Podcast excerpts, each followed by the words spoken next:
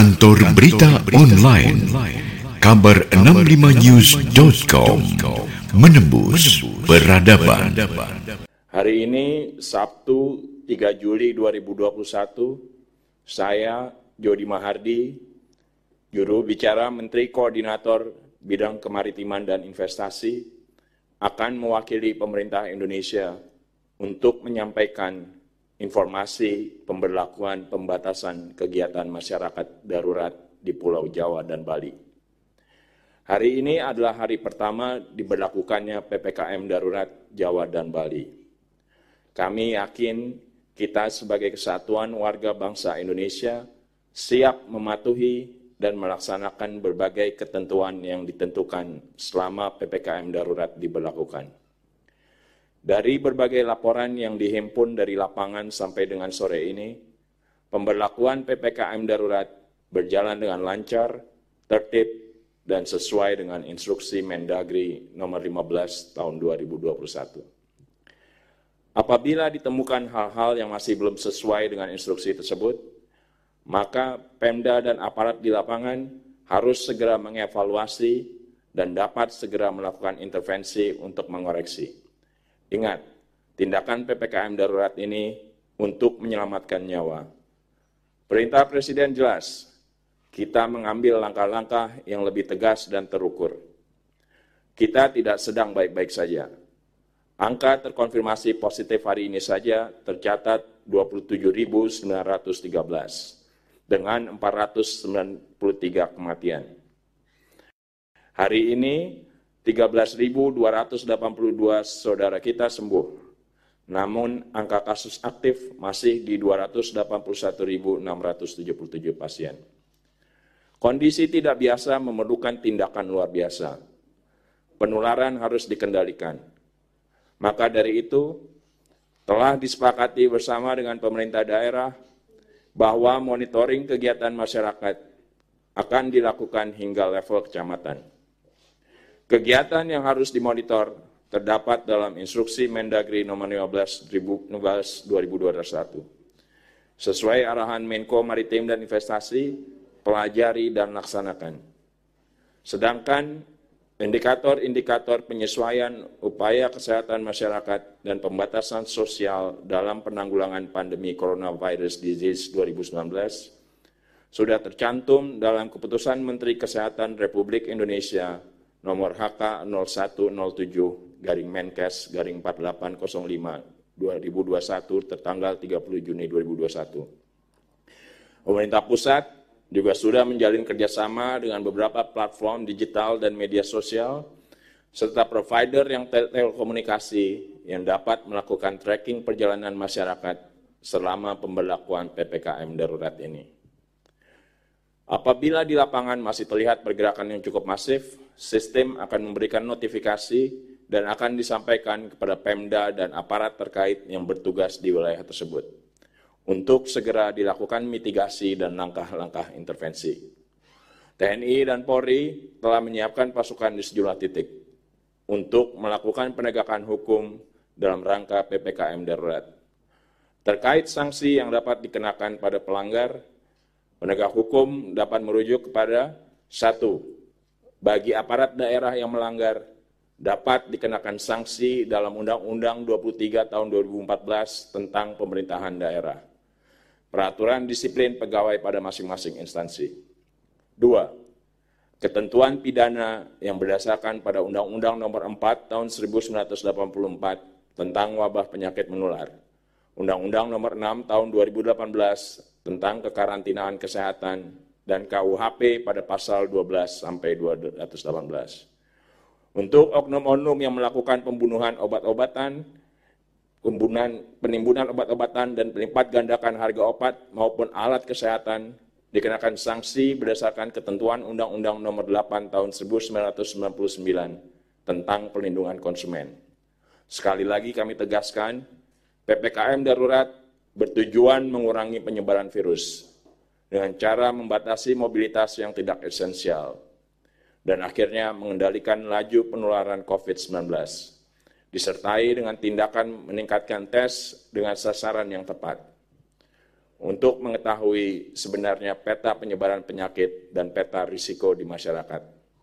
Untuk itu, dimohon agar kepala daerah dan aparat terkait dapat melakukan langkah-langkah preventif untuk mengantisipasi sehingga penyebaran virus dapat dicegah. Bapak Ibu sebangsa setanah air, mari kita sama-sama patuhi dan laksanakan ketentuan PPKM darurat. Lakukan tugas kemanusiaan menyelamatkan nyawa keluarga, orang tersayang, dan lingkungan kita. Jangan jadi penyebab kedukaan dan kecelakaan terhadap orang lain.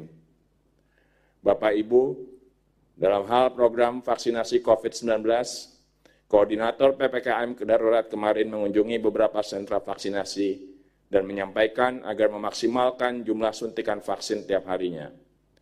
Kami akan segera menjalin kerjasama dengan platform tiketing digital, platform online lainnya yang akan membantu masyarakat untuk memudahkan akses vaksin dan mempercepat kinerja berbagai sentra vaksinasi.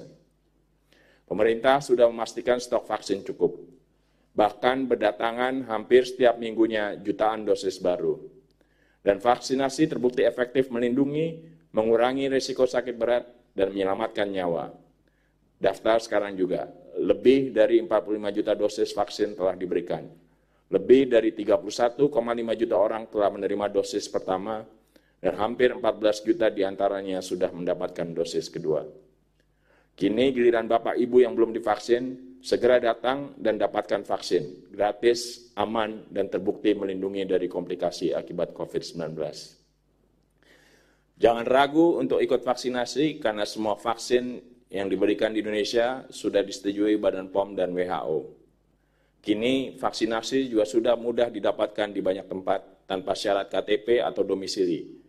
Vaksinasi ditambah prokes ketat dan testing masif dengan sasaran tepat akan menurunkan penularan dan membuka peluang COVID-19 dikendalikan, agar aktivitas masyarakat dapat dibuat kembali. Satu orang atau beberapa orang saja divaksin tidak bisa menghentikan pandemi. Harus kita semua bersama-sama. Secara bersamaan divaksin dan mengetatkan protokol kesehatan, maka virus corona ini dapat kita kendalikan dan pandemi dapat kita kalahkan bersama-sama, tidak sendiri-sendiri. Dalam konteks treatment atau terapi bagi kesembuhan pasien, beberapa jam lalu Menko Maritim dan Investasi, Menkes dan Kabar Reskrim Polri sudah melakukan konferensi pers yang menyatakan pemerintah telah mengeluarkan keputusan Menteri Kesehatan mengenai harga eceran tertinggi obat dalam masa pandemi COVID-19. Hal ini tentunya memberikan kepastian akan harga untuk jenis-jenis obat yang dibutuhkan dalam penanganan pasien COVID-19. Sekali lagi, jangan bermain-main dengan nyawa orang lain.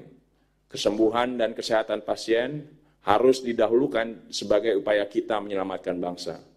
Jangan mengambil keuntungan di atas penderitaan orang lain. Bagi para penyalur, distributor, dan penyedia obat-obatan di atas, ikuti peraturan ini akan ditindak oleh aparat hukum. Atau lebih buruk lagi, Anda akan dimusuhi oleh bangsa Indonesia.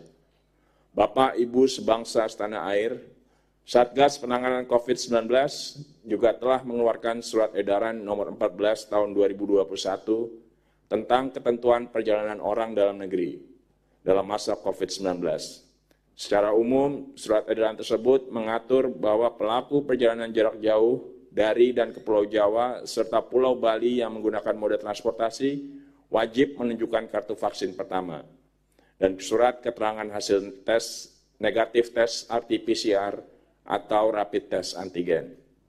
Surat edaran Dirjen Angkutan Darat, Angkutan Udara, dan Angkutan Laut Kementerian Perhubungan juga sudah menerangkan lebih lanjut langkah teknis pengaturan perjalanan orang dari dan ke serta di Jawa dan Bali. Bapak Ibu sebangsa setanah air, pemerintah sadar bahwa pemberlakuan PPKM darurat akan berdampak kepada aktivitas ekonomi masyarakat.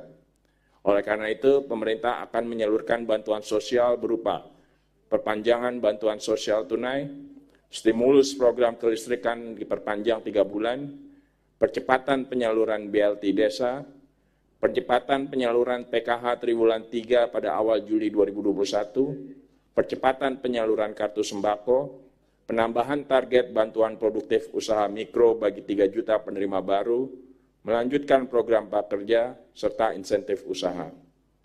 Suplai dan stok bahan pokok tersedia dengan aman.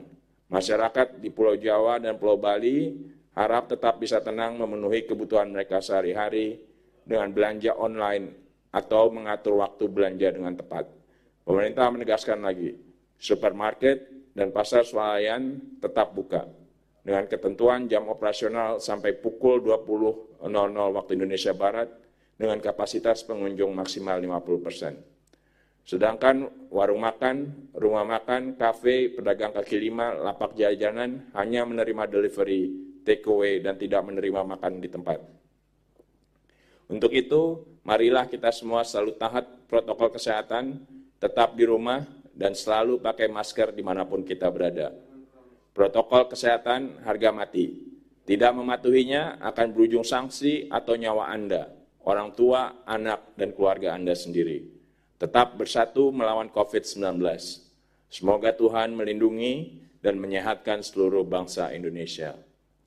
Sekarang saya persilahkan juru bicara pemerintah untuk COVID-19 dan Duta Adaptasi Kebiasaan Baru Dr. Reisa Broto Asmoro untuk mengedukasi kita semua dengan perilaku yang diharapkan pada masa PPKM darurat ini. Dr. Reisa, saya persilahkan.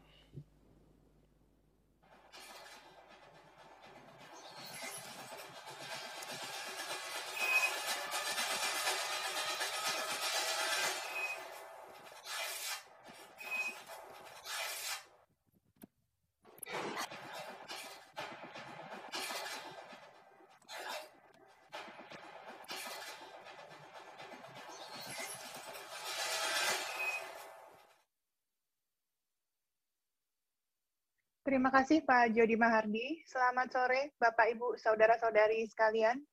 Selain peran pemerintah pusat dan pemerintah daerah, aparat hukum, dan personil TNI yang kita harapkan, prinsip pelaksanaan pengetatan aktivitas dalam masa PPKM darurat ini juga mencakup peran kita, masyarakat, peran seorang ayah, ibu, kakak, adik, saudara, keluarga, teman, sahabat, kolega, dan ini adalah peran kita semua untuk memastikan situasi darurat ini kita akhiri. Hampir semua di antara kita pasti ada yang telah kehilangan sanak, saudara, kenalan, atau kolega dalam beberapa pekan terakhir ini. Minimal, berita pada lini masa media sosial kita bertaburan berita duka. Situasi ini tidak bisa diteruskan. Harus kita akhiri. Bagaimana caranya?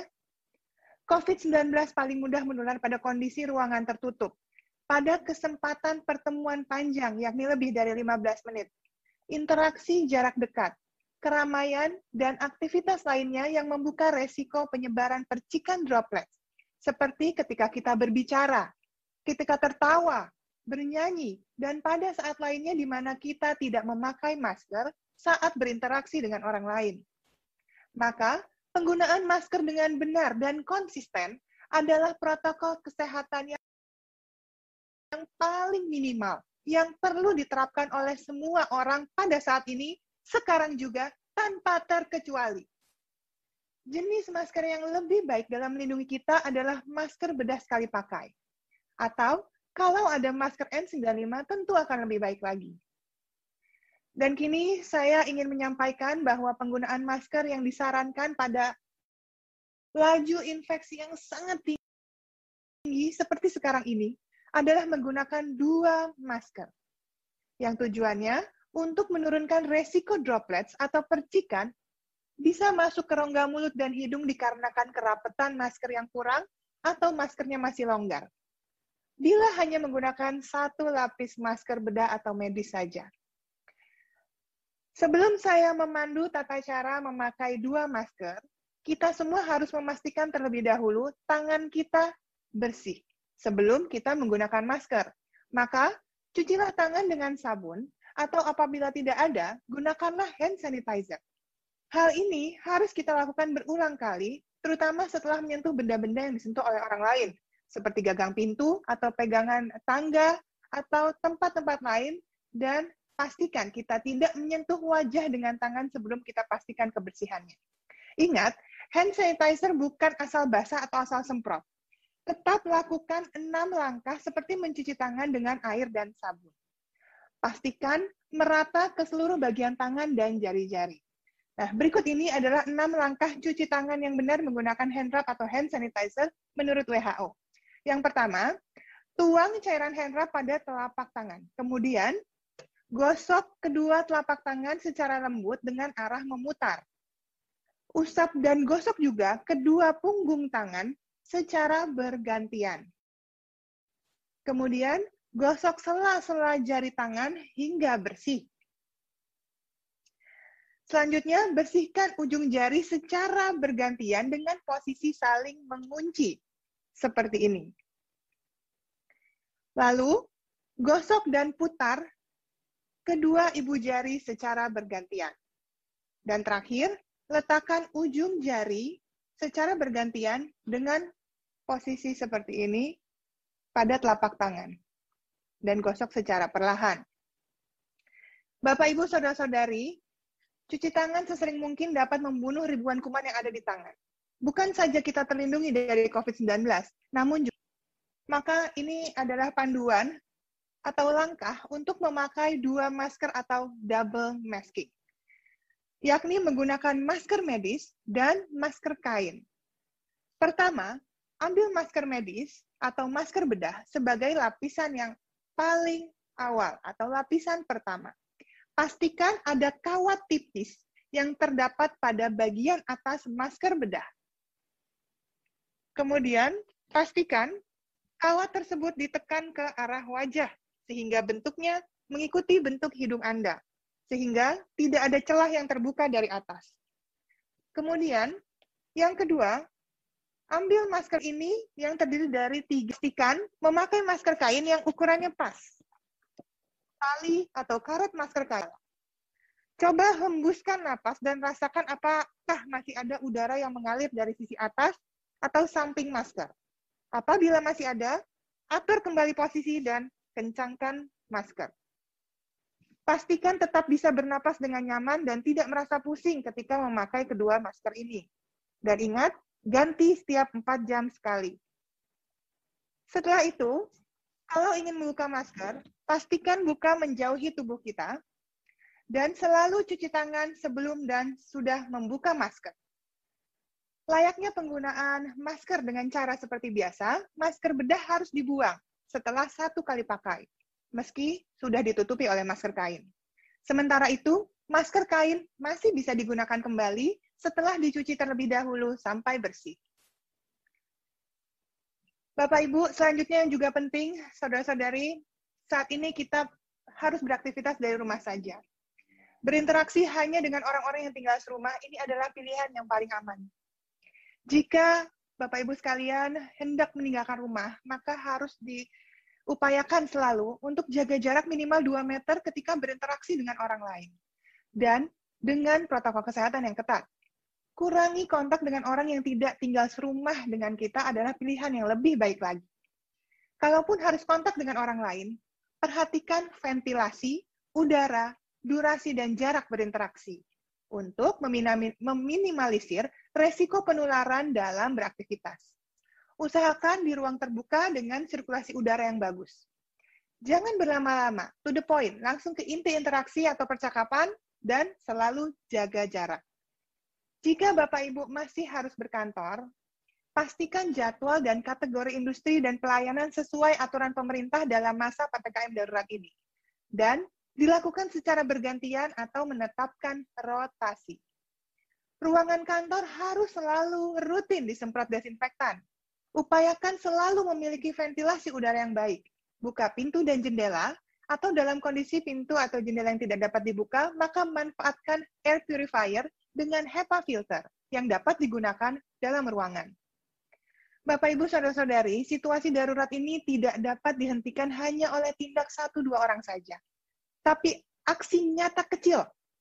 Kita semua mengetatkan disiplin protokol kesehatan seperti yang sudah, sudah saya jelaskan tadi, itu benar-benar harus ditaati. Karena mematuhi aturan pembatasan mobilitas dan di rumah saja. Itu penting sekali berani dites, dan menyegerakan untuk dites saat ada gejala penyakit sesedikit apa pun, seperti demam, batuk, pilek, atau kalau ada kontak erat dengan kasus positif. Jujur, saat ditelusur oleh petugas pelacak kasus. Melaporkan diri ke puskesmas akan membuat upaya pemerintah pusat, daerah, TNI, Polri, penegak hukum lainnya berujung pada sebuah keberhasilan. Pengendalian penularan virus SARS-CoV-2 varian yang berbahaya ini ini harus benar-benar serius. Dan PPKM darurat ini benar-benar harus dilakukan dengan baik. Satu tindakan kecil kita berarti ribuan, bahkan jutaan nyawa akan selamat dan kita bisa kembali beraktivitas dengan sehat. Mari tunjukkan peran kita sebagai warga negara yang peduli untuk saling melindungi. Tetap bersatu melawan COVID-19. Salam sehat dari kami, selamat sore dan sampai jumpa. Kantor Berita Online kabar65news.com menembus peradaban.